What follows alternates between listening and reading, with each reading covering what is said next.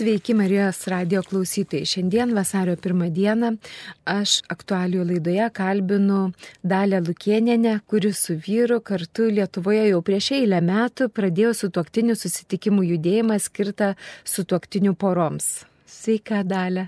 Sveiki. Mes šiandien kalbėsime tema, ar atleisti reiškia nusileisti. Artėja Švento Valentino diena, vasario 14, tai diena apie meilę, o dar labiau apie romantiką apie išsvajotą meilę, kuri tęstus ilgai ilgai, gal net iki gyvenimo pabaigos. Žinia, kad ilgai netrukę nutrūksta ne tik romantiniai santykiai, bet ir daug santokų. Mes suprantam, kad yra sudėtinga išlaikyti ilgalaikį santykių be atleidimo. Todėl Lietuvo šeimos centre mes sugalvojame tokią temą Švento Valentino dienai - Valentinas, meilė ir atleidimas. Jeigu mes norim romantiškai ir džiugiai atšvesti Švento Valentino dieną, svarbu tinkamai pasiruošti. Ir tai reiškia ne tik pagalvoti, kur ir kaip mes praleisime šį vakarą ar visą dieną, kokius staigmenų vienas kitam paruošime, kaip papuošime namus. Tai yra tikrai labai svarbu, bet dar svarbiau yra pasižiūrėti savo širdį, kaip laikosi ta mano širdis. Ir tikrai yra sunku švesti Švento Valentino dieną ar kokią kitą romantišką dieną, santokos sukakti, jeigu aš kažko negaliu atleisti savo vyrui, savo žmonai. Mes kaip tik šiandien daugiau kalbėsime kalbėsime apie tą šventą Valentiną arba Valentiną savo sutuoktinį, savo sutuoktinę. Ir iš tikrųjų, Netleidimui yra labai daug priežasčių ir dalį aš noriu paklausti tavęs, kai tu eilę metų su kastantu dalyvavai su tuoktiniu susitikimu judėjime, kaip tu pastebi, kokios yra priežastys poroje, kurios trukdo atleisti vienas kitam? Aš manau, kad turbūt pagrindinė priežastis yra manyti, kad atleisti yra būtina, žinoti, kad be atleidimo aš tiesiog negebėsiu toliau gyventi santokoje. Tų netleidimo priežasčių yra labai daug. Viena iš jų yra manyti, kad jeigu aš atleisiu, tai reiškia, aš turiu kaip ir nusileisti, kad ir toliau Taip. mane žemintų ir, Taip. ir toliau kita manyti, kad vat, su to žmogum, kuris mane žemina, aš ir negaliu toliau, taip sakant, tęsti santykių ir turbūt eilė, daugybė priežasčių žmonės netleidžia, bet to manyti, kad aš atleisiu turiu toj pat, va čia pat, kaip mes dažnai vaikams sakom, atsiprašyk, atleisk. Taip, taip. tai irgi yra neįmanomas dalykas, nes atleidimas yra procesas ir jam reikia laiko, kuo labiau mane įžeidė, tuo man ilgiau. Ilgesnio laiko reikia atleidimui. Taip, kad mhm. atleidimas yra procesas ir įvairių dalykų ten yra ir tikrai verta apie tai galvoti, verta stengtis atleisti, bet lygiai taip pat kai kuriuose knygose rašo, kad kartais reikia nustoti stengtis atleisti, nes vat aš noriu vat dabar atleisti, man jau nukankino tos mintis, Taip. noriu dabar, taip pat nebus. Aš iš savo pusės turiu padaryti viską, tai yra ryštis atleisti, ryštis nekeršyti, bandyti kažkaip uždrausti skriaudėjimą, net ten žeminti ar panašiai, kažką daryti iš savo pusės, bet kad aš va šią minutę nustosiu pykti ir atleisiu, taip irgi nebus, nes reikia laiko. Tai dalė paminėjai kelis labai svarbius dalykus. Pirmas, kad reikia santokoj tos nuostatos atleisti atleisti, nu, kad be atleidimo mes neišgyvensime vienas dalykas, bet antras dalykas, kad atleidimas yra toks daugiasluoksnis procesas, kuris netrunka labai greitai, ta prasme jis yra gana ilgas ir reikia daug ką man pačiam suprasti, man pačiai suprasti, kad aš galėčiau judėti tuo procesu. Ir aš žinau irgi keletą tokių pastebėjau stabdžių, kad tikrai vienas yra, kad jeigu aš atleidžiu, reiškia aš nusileidžiu, reiškia aš pritariu, kad taip galima elgtis, nors aš iš tikrųjų manau, kad jokių būdų taip negalima ne. elgtis. Ir tada aš prarandu save, savo įsitikinimus, savo supratimą apie gyvenimą, jeigu aš atleidžiu. Ir aš galvoju, ar iš tikrųjų atleidžiant aš prarandu save, ar iš tikrųjų, kai aš atleidžiu, aš nusileidžiu. Gal mes pasitikslinkim tai, koks tas procesas atleidimas. Pavyzdžiui, jeigu ant manęs rėkia ne, jeigu pažada ir nepadaro ir kažkokius rimtus dalykus, galima aišku prieiti ir prie tokių labai sudėtingų kaip išdavystė, tenai neištikimybė, bet dabar paimkim tokius būtiškesnius dalykus, kur aš turiu paskui kūlvirščiais verstis dėl to, kad jis ar ji pažadėjo, nepadarė, pasakė, kad bus taip, taip nebuvo, arba aš norėjau labai, nu, ar smagiai, ar normaliai praleisti vakarą, ar pavakarieniauti, ar papusryčiauti ir čia prasideda visokie pikti piktumai, barniai, priekaištai, kaip man čia atleidinėti tuos dalykus? Mes visada tikimės, kad vat, papasakojom savo antrai pusiai, kad mes norim kažkokių pokyčių, tai yra norim, kad jis nevėluotų ar ten kažką nuveiktų ir rezultato nėra. Taip. Ir mes kažkodėl tai pykstam, turbūt iš dalies kaltinam save, kaltinam tą žmogų ir viskas susipina į tokį vieną kamolį, kad paskui galvom, aha, jeigu aš jam atleisiu, reiškia, aš pritarsiu jo tam elgesiu. Ne, toli gražu taip nėra. Yra vienas dalykas atleidimas, o kitas dalykas pritarimas tam elgesiui. Aš nepritariu tam elgesiu, bet vis tiem jam atleidžiu. O kodėl aš jam atleidžiu? Kodėl? Dažniausiai tai, kad jis na, daleiskim, vėluoja arba pradeda rėkti ne vietoj ir nelaikų nieko bendro neturi su manim dažniausiai. Taip. Tai yra susijęs su kokiais tai visai kitais dalykais, galbūt įvykusiais vaikystėje, o gal, gal jo nuovargiu, o gal kažkuo. To žmogaus. Taip, tai yra mhm. to žmogaus reikalas. Ir mano tikslas nėra pasimti, kaip čia pasakyti, mūsų bendravimo abiejų svirčių į savo rankas. Aš atsakau už save, jis atsako už save ir man nėra reikalo prisimti atsakomybę už jį.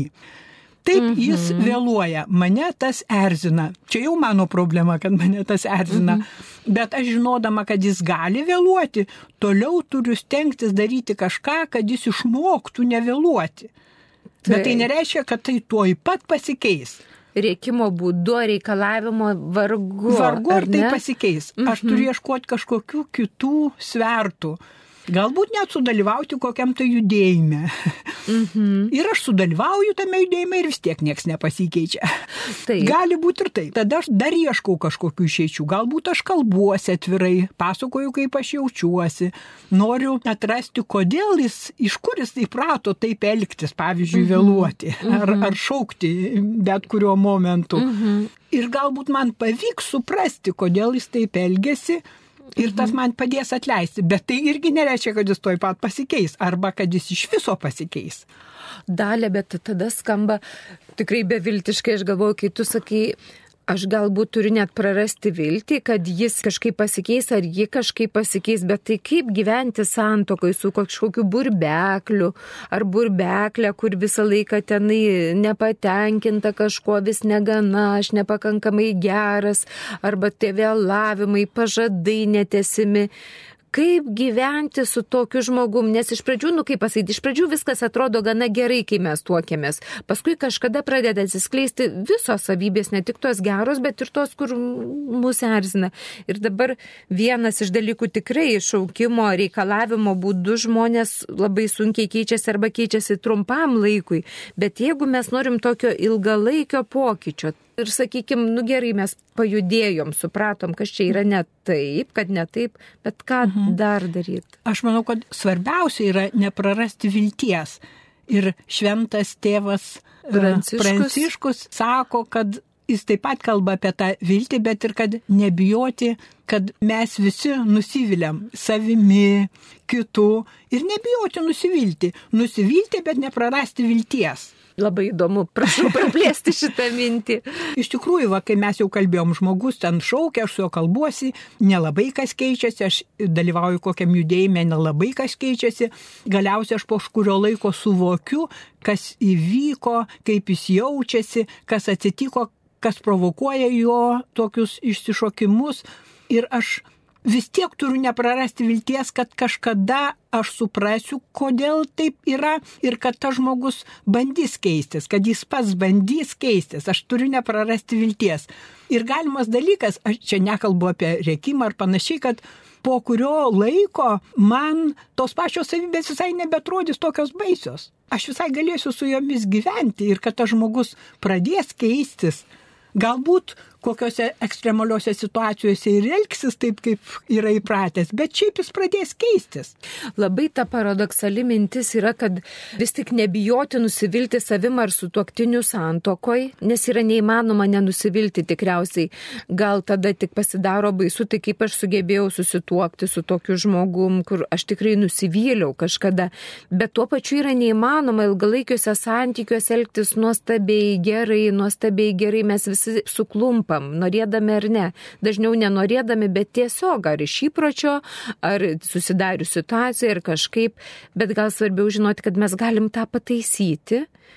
Ir aš noriu pasakyti, kad popiežiaus pranciškaus mintys iš Amoris Letisė išleistos yra tokiam kalendoriui, kiekvienos dienos įkvėpimai šeimai, kur Lietuvo šeimos centras išleido ir galite ten įsigyti, kur tikrai mintis po minties, va tokios, kaip žiūrėti į santuoką, kaip žiūrėti į santykius, kaip žiūrėti į konfliktus, kaip žiūrėti į įsižeidimus ir atleidimą, netleidimą.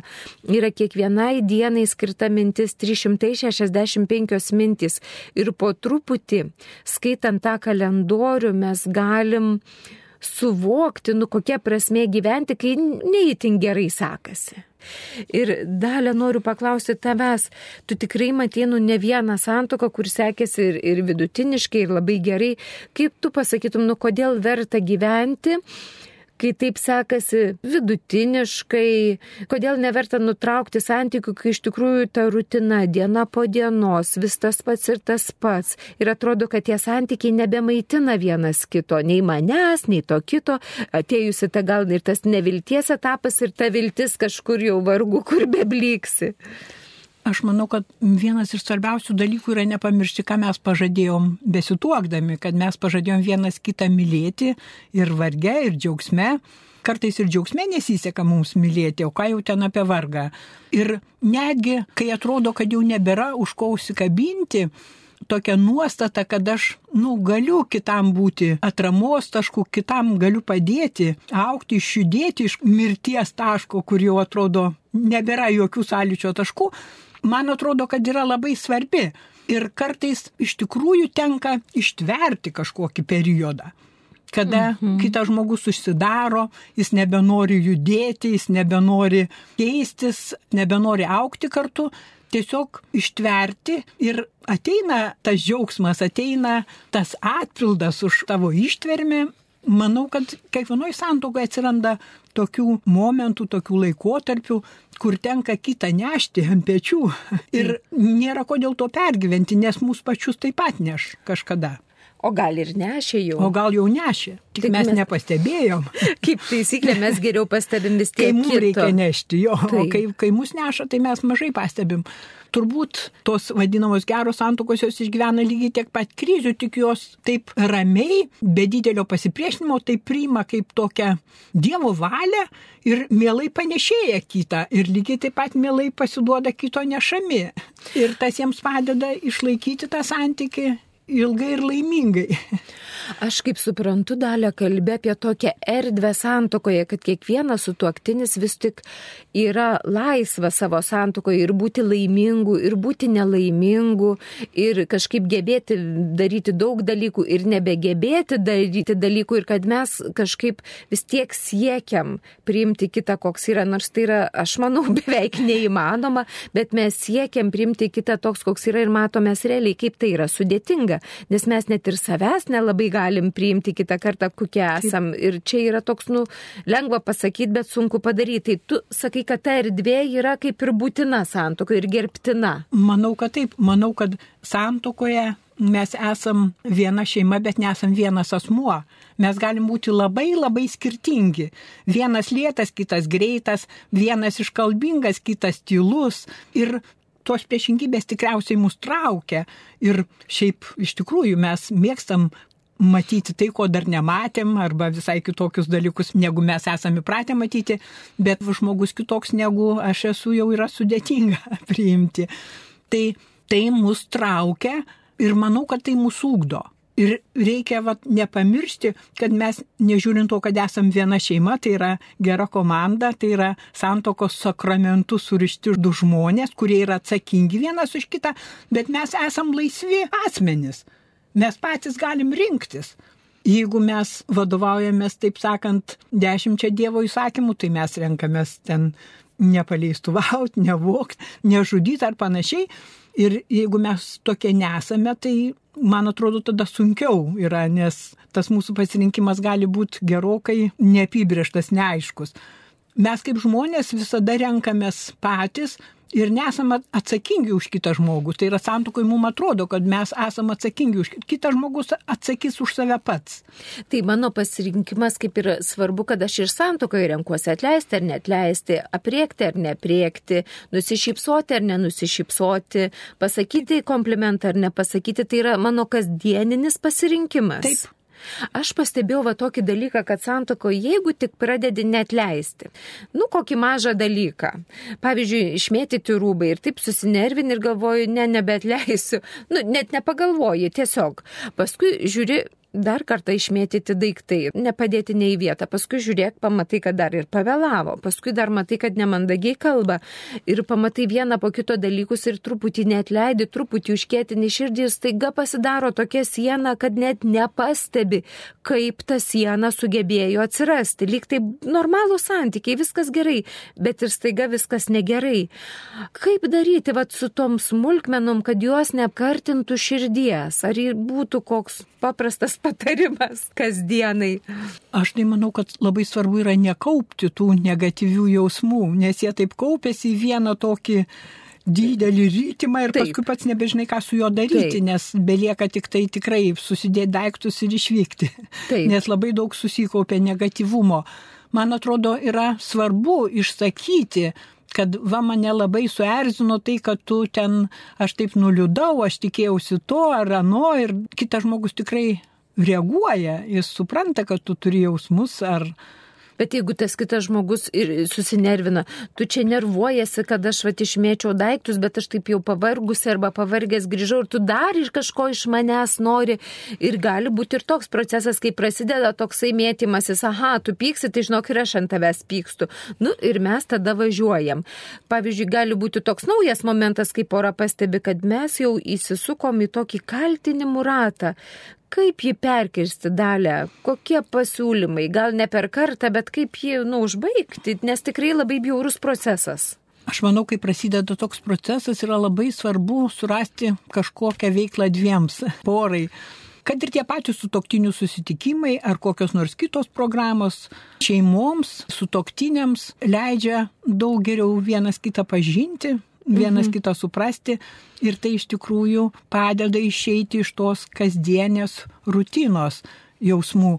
Netgi jeigu ir ten, ir ten jums nelabai patinka ar nelabai sekasi, jūs galite drauge sugalvoti kokią tai kelionę ir rasti kažkokią veiklą, kur jums abiems būtų gerai. Tai labai sustiprins jūsų šeimą ir man atrodo labai duos teigiamų jausmų teigiamų rezultatų. Vienu žodžiu, tu kvieti šeimą, kuri mato, kad jau įsisuka į tokią kaltinimų spiralę, kaltinimų ratą ar nepasitenkinimą. Ilgai nelaukti ratą. pirmiausia. jo, ne, negalvot, kad čia normalu mes pavargę ir tai baigsim. Taip gali būti, kad mes pavargę, tuoj baigsim, bet vienas dalykas, tai ieškokite pramogų. Kalbėkite tik apie pramogas, tik linksmai, nebesikabinėkit vienas prie kito apie tai, ką padarėt, ko nepadarėt.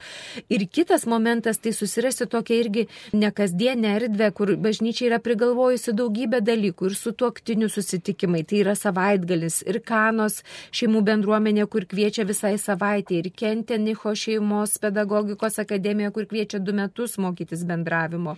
Įvairiausių yra judėjimų, kur galite rasti Lietuvo šeimos centro tinklalapyje pasirinkti kažkokią formą, kur jūdu dviese galėtumėt gauti naują impulsą, kad nepasiliktų su savo įpročiais, nes kai mes liekam su savo įpročiais, yra sunku patiems save įkvėpti. Tai vienas iš dalykų dar būtų, ką galima pakviesti, yra programa Lietuvo šeimos centro Meilė greta netobulumo, prasidės vasario 22 dieną. Jeigu jūs išgazdintų rinkliavą, žinokit, jį visada galima sumažinti, mes norime, kad žmonės dalyvautų, o kas įdomiausia, kad į ją kviečiame dalyvauti gauti vieną iš poros. Nes paprastai problemos poroj prasideda tada, kai mes taip matom vis labiau ir labiau, kaip kitas netinkamai elgesi. o aš tai viską darau gerai, arba daugmaž gerai, o kitas vat netinkamai ir kuo toliau, tuo labiau. Tai mes kviečiam vieną žmogų iš poros dalyvauti ir galvoti, o vis tik tai kaip aš sugebu išprovokuoti tą tokį elgesį, ko aš nematau, ko aš nepastebiu. Nes tas mūsų santykis yra dviejų šokis, dviejų reikalas. Ir aš irgi įnešu kažką. Ar aš tikrai įnešu tai, kas kuria santyki, nebūtinai. Tai tuose susitikimuose meilė greta netobulumo mes aptariam ir vyrų, moterų skirtumus, ir kaltinimų tą spiralę, ir konfliktus, ir kaip kalbėtis, ir kokiais klyjais klyjuoti tuos mūsų santykius. Ir taip pat aptariam atleidimą. Mes kalbame apie tai, kokias pamokas mes gavome iš tokių bjaurių situacijų, nes dalis žmonių galvoja, kad atleisti, nu, yra neteisinga. Jeigu aš atleisiu, aš pritarsiu neteisingumui. Bet iš tikrųjų tas gyvenimas yra neteisingas. Iš tikrųjų tai nieko bendro su teisingumu neturi, nes atleisdamas aš pats atsipalaiduoju nuo nereikalingų kaltinimų ir priklausomybės nuo to įvykio.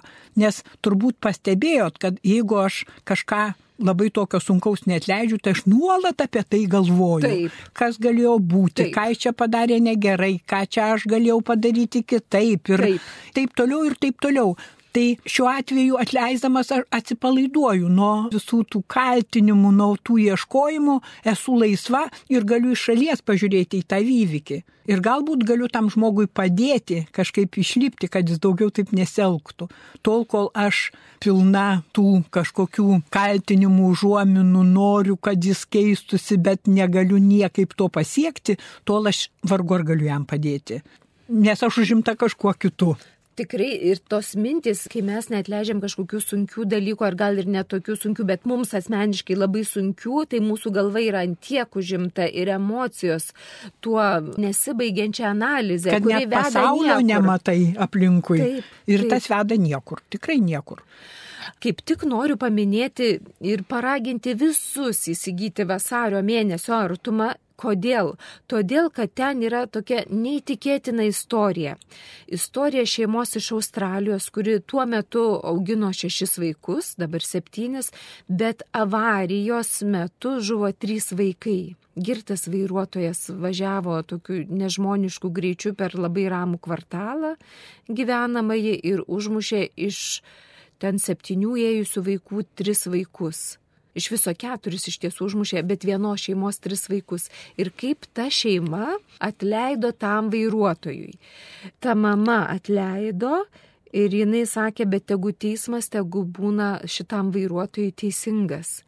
Ir kas yra įdomu, kad žiniasklaida, kuri tikrai nu, nepraleido tokio įvykio pro akis, nes sako, tai viena iš baisiausių Australijoje įvykusių autoavarijų, galiausiai žiniasklaida pakalbinusi tą mamą, tą tėtį, ten Abdula šeima, sako, pradėjo daugiau kalbėti apie atleidimą negu apie pačią avariją. Pradėjo kelti klausimą, kaip šita moteris gali atleisti žmogui, kuris užmušė tris vaikus. Kaip ta moteris gali tikėti į Dievą, kuris leido, kad įvyktų tokia avarija. Kaip ji iš viso gali ant jo, nu, nepykti ir artumos šitam straipsnė yra skleista daugiau šitos istorijos. Ir kas mane pačią labai užkabino, kai išverčiau šitą straipsnį, kad dabar vasario pirmoji, va kaip tik kai išeina mūsų radio laida, Vasario pirmoji yra nacionalinė atleidimo diena Australijoje ir tik dėka to šeimos, kurie atleido šitam vairuotojui. Ir kas mane tikrai papalėtė, tai buvo, kad tėvas, kuris sakė vaikam gerai, eikit nusipirkti ledų, ten netoliesiai kažkokį kioskelį. Sako tėvas, aš turėjau apsispręsti atleisti savo, kad aš tiem vaikam pasakiau, eikite nusipirkti ledų. Aš įsivaizduoju, kad ir jo žmona, vaikų mama turėjo atleisti jam, kad jisai pasakė vaikam, eikite nusipirkite ledų. Ir tikrai šita šeima galėjo laisvai būti ant skirybų ribos dėl to, kad, nu, įvyko kraupi nelaimė, neįsivaizduojama nelaimė. Ir šita šeima pasirinko atleisti, jie sakė, mes statome savo šeimos pamatą ant maldos, visada mes meldėmės. Ir dalė ir tu prieš laidą minėjai, kad net ir sunkiausiose situacijose, kokios vyksta poroje, sutoktiniai neturi kito pasirinkimo, kaip tik atleisti. Tai pagrysk savo tą teiginį, kodėl mes neturim santokoj kito pasirinkimo, o gal ir ne tik santokoj, kaip atleisti turbūt ne tik santukoje, bet santukoje ypač, kadangi mes pažadam vienas kitą mylėti ir gerbti. Visą gyvenimą ir džiaugsme, ir varge. Kaip jau sakiau, ir džiaugsme kartais nelabai lengva, bet jau varge tai visai sunku. Kadangi mes pažadame vienas kitą mylėti ir gerbti, tai net leidę mes niekaip nepajėgsime kito nei gerbti, nei mylėti. Ir aš pati irgi esu girdėjus, turbūt visi atsimena, prieš dešimt metų ten kažkur Žemaitijoje žmogus irgi užmušė, būdamas išgėręs, tris žmonės autobusų sustojime ir vienų tokių sužadėtinių rengėjų mokymų metu viena moteris iškėlė tokį klausimą, nu, kaip gali jo žmona atleisti, kai jis va šitai pasielgia. Ir aš tada sakau, o kokia jį turi kitą išeiti. Jis pažadėjo mylėti jį ir gerbti visą gyvenimą. Jei belieka tik suprasti, kodėl taip atsitiko, kodėl jis išgėrė, kodėl jis važiavo girtas, ir atleisti ir stengtis toliau mylėti jį ir gerbti. Tai nėra paprasta. Bet kitos išeities mes neturime santokoje. Ir kas sunkiausia gal yra tai, kad atleisti reikia tada, kai vyksta neteisybė. Mes galim ten ir pateisinti ir suprasti, bet realiai atleisti reikia tada, kai yra taip sunku, atrodo taip neįmanoma ir taip netinkama. Kartais taip tikrai atsitinka, kad atrodo tokia neteisybė ir kartais pykstame ant žmogaus, o tas žmogus net nežino, kad taip yra, jis net nesuvokia. Ir kai jo paklausi po kurio laiko, kaip tu tada ten jautėsi, jis sako, aš nieko nežinojau, aš atsiprašau labai. Čia irgi būna, kad vienam santokai viskas gerai, o kitam ne taip labai gerai ir net labai blogai, bet vat, pasikalbėti taip ir, ir neišeina. Ir aš kai galvoju apie tą atleidimą, apie atleidimo procesą, kad labai svarbu yra laikas, turėti laiko, apsvarstyti laiko ir erdvės tokios, kai nėra, kad ištisai aš su vaikai, su vyru ar su žmona ištisai darbė ir neturiu jokios erdvės, vat, jokios minčių erdvės, kad aš turėčiau laiko apmastyti savo ir kito elgesį ir kad aš galėčiau apmastyti ne tik kaip šitaip su manim galėjo pasielgti, šitaip yra neįmanoma, čia yra blogai, čia yra netinkama, bet aš pasvarstyčiau, o kokios priežastys tai lėmė, ką tai man sukėlė, ar gal dar kažką reiškia, negu kada aš įsivaizduoju, kad tai reiškia. Gal sugalvoti, kada mes galėtume apie tai pasikalbėti, kaip aš galėčiau geriau suprasti antrą pusę, nes gal ta antra pusė savęs nesupranta, o gal aš kažką pastebėsiu, gal jis ar ji kažką pastebės, kad mums reikia kažkokios tikrai intimios erdvės kur po to, kai aš su savim pabūnu, kad aš pabūčiau su kitur, mes galėtume pabūti ir pasikalbėti.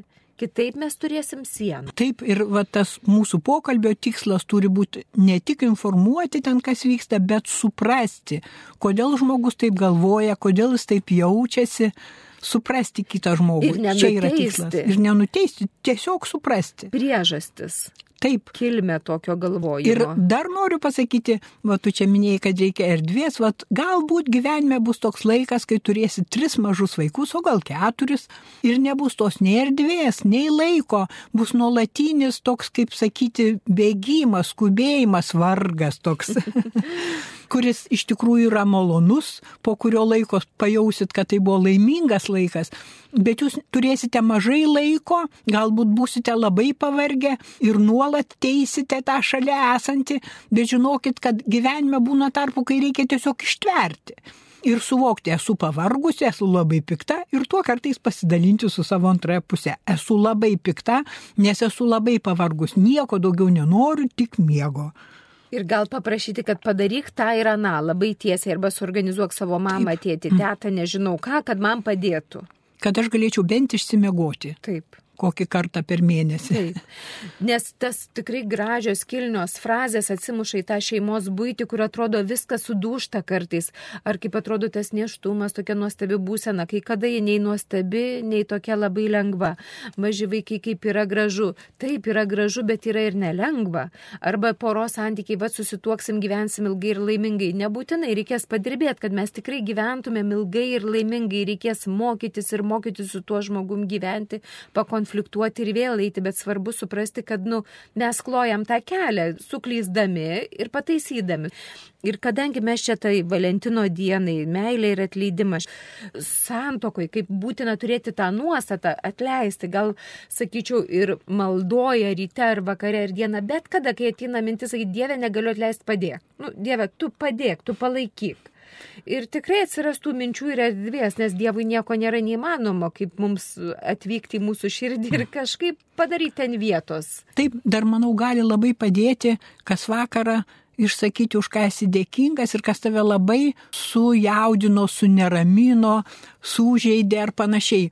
Kartais negalim tiesiogiai tam žmogui pasakyti, kad va tai mane labai suneramino, bet pasakyti Dievui, kad mane tai labai suneramino, kad aš esu nustebusi, kad kitas taip mhm. elgesi, gali labai padėti. Toks atrodo labai paprastas labai dalykas. Paprastas bet šeimoje viskas yra labai paprasta, iš tikrųjų nieko tokio nepaprasta. Ypač gerai būtų, jeigu jūs melstumėtės drauge ir kitas galėtų išgirsti, kas tave suneramino, kas tave Taip. įžeidė, kas tave nuskriaudė ir tai tikrai gali būti labai paveiku tai bendra malda tokia kaip trijo pokalbis, kad aš kalbuosi taip. ir su savo antra pusė, ir, ir su, su Dievu, Dievu mes liktai taip ir tariamės, nors tikrai tai, tai pats tikriausiai intimiausias bendravimo būdas, kai mes atvirai galime sakyti pasikvietę Dievą, kad, nu, taip. neišeitume gal į didžiulį konfliktą. Ir mums kartais atrodo, kad mūsų ta antroji pusė vat, negalės to priimti. Tikrai pasitikėkit Dievu, jis viską priims ir galbūt visai taip, kaip jūs nesitikit svarbu gal nenuteisti. Svarbiausia nenuteisti, svarbiausia neprarasti vilties ir pasitikėti.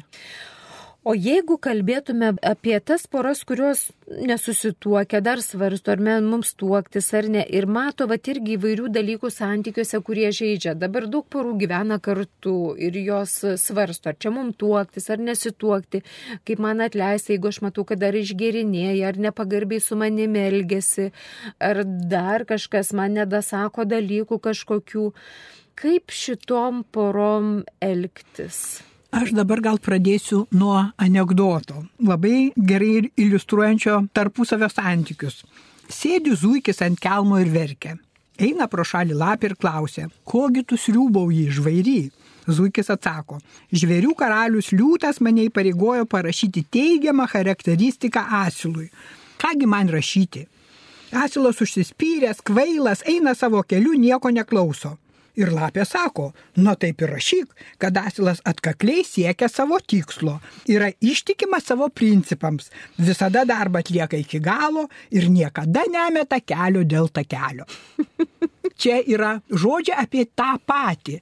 Tai aš noriu pasakyti, kad kai esame sužadėtiniais arba nesustuokusiais, tai galim žiūrėti taip kaip zuikis žiūrėti, matyti visos, taip sakant, mums nepatinkančias savybės ir galvoti, ar aš galėsiu visą tai ištverti, jeigu tai dešimt kartų pablogės. Bet kai jau esam susituokę, tai turim žiūrėti taip kaip lapė. Nes mes tiesiog nebeturim kitos išeities. Kiekviena savybė, aišku, išskyrus kokias tai, kurios yra smurto apraiškos ar panašiai, kiekviena savybė yra ir teigiama, ir neigiama, nėra vertintina. Pavyzdžiui, būdamas karingas, aš galiu būti geras žmogus apgindamas kitą žmogų ir blogas žmogus apriekdamas į bereikalo. tas liečia visas savybės. Tiek švelnumą, tiek, tiek mm. bet kokia savybė gali būti ir gera, ir bloga. Reiškia, mums šeimoje kai kada ji labai padės, o kai Taip, kada labai kai kada pakenks. trukdys tai svarbu jas mokėti valdyti. Aš prisiminiau ir iš mūsų šeimos gyvenimo, mano vyras yra labai umus ir greitas ir, ir tai mane karts nuo karto nervuoja, nes atrodo čia per greit užsiplėskė. Ir aš galiu pasakyti, kad tas jo umumas tris kartus išgelbėjo, kad šuoniai kastų mūsų vaikui. Ir aš pagalvoju, aš atleidžiu visus jo konfliktus, viską. Dėl to, kad aš labai džiaugiuosi, kad jis toks greitas ir išgelbėjo tris kartus vaiką nuo šuns supratau, kad iš tikrųjų, nu kaip, yra situacijų, kur buvo tikrai labai sudėtinga, bet yra kas gerai. Ir tada aš suprantu, kad kaip ir popiežius Pranciškus sako, kad tikrai kitas žmogus yra daug daugiau negu tai, kas mane erzina.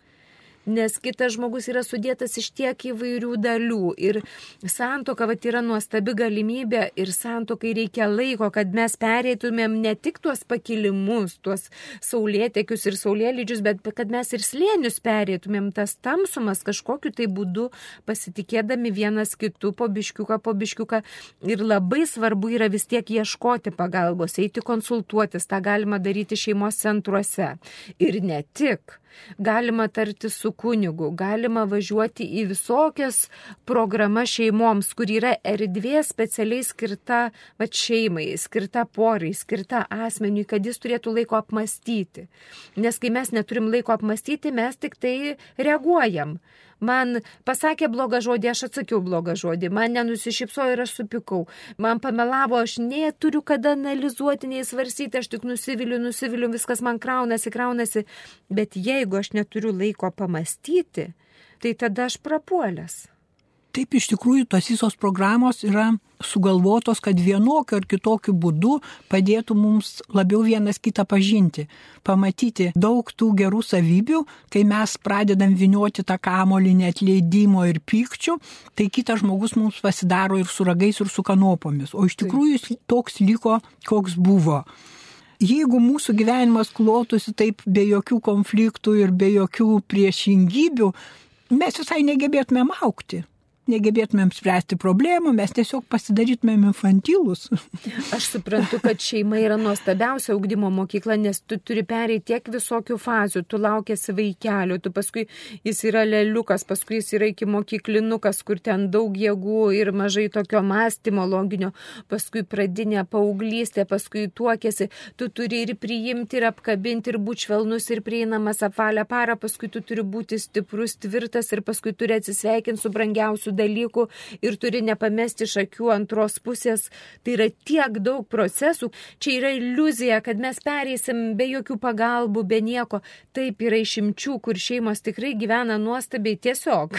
Bet tai tikrai dažniau yra išimtis iš taisyklės, o daugybė šeimų reikia ir pasikonsultuoti, ir nuvykti į rekolekcijas, ir kažkokią programą, ir paskaityti, ir pabūti. Ir labai svarbu yra, ką dalė minėjai, kad kai ateinam į tą tašką, kai jau mes pradedam ten kaltinti, nusivilti, neužsibūti tame, o eiti arba patiem kurti kažką nekasdieniško, kelionė, kažkoks spektaklis, pramoga, gamta, nežinau, kas kam patinka, arba eiti kokią nors programą, kažkokį susitikimą.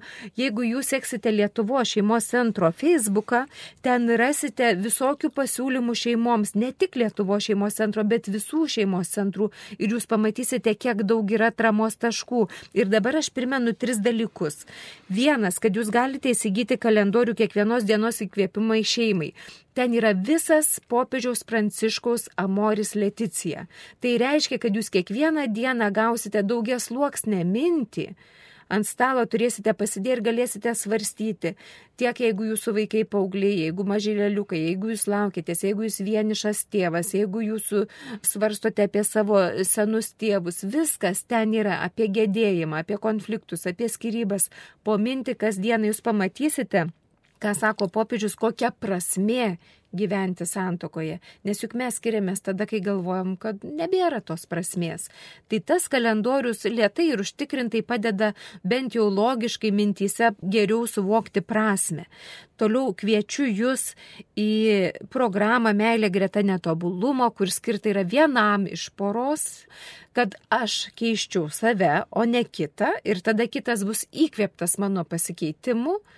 Ta programa bus Zoom platforma ir reiškia gali dalyvauti iš bet kurios Lietuvos vietos. Prasidės vasario 22 dieną, bus 11 susitikimų ir apie meilę, ir apie atleidimą, ir apie klyjus, ir apie konfliktus, apie klyjus santykiams. Kur rasti tą programą rasite ir Lietuvo šeimos centro Facebook'e, ir Lietuvo šeimos centro tinklalapyje naujienų skiltyje. Ir taip pat labai labai raginu įsigyti vasario mėnesio artumą, kur jeigu ne dėl visko kitko, tai bent jau dėl to teksto apie atleidimą, kur Australijos šeima atleido vairuotojui, kuris išmušo tris vaikus ir būtent to šeimos dėka Australijoje atsirado nacionalinė diena aš atleidžiu. Ir dalė, vat, visai laidai baigiantis, aš noriu tavęs paklausti, ko tu palinkėtum porai, kuri gyvena rutinoje, nesmurtiniuose santykiuose, nesmurtiniuose santykiuose ar psichologinio smurto, ar fizinio smurto yra atsiskirti yra vienintelė rekomendacija atsiskirti, nes tai kenkia tiek tam smurtautojui, tiek tam, kur, prieš kurį smurtaujama, tiek vaikams. Tai aišku sudėtinga, bet labai svarbu mums paremti tuos žmonės, kurie yra nu, pakliuvę į smurto pinklės, bet aš labiau noriu paprašyti palinkėjimo tom porom, kurios kažkokioj rutinui, nu, tokioje eiliniai, kur diena po dienos yra artėja Valentinas ir norisi tos romantikos. Ką tu palinkėtum? Linkiu visada prisiminti savo pažadą, visą gyvenimą mylėti ir gerbti. Ir tai karts nuo karto apmastyti, ką tai reiškia, kaip aš galiu dabar parodyti savo meilę. Ar kaip dabar galiu parodyti savo pagarbą. Pamatysit, tai atneš vaisių. Ačiū labai, Dalė, ačiū mėly klausytojai, kad klausėtės. Geros dienos ir su Dievu. Su Dievu.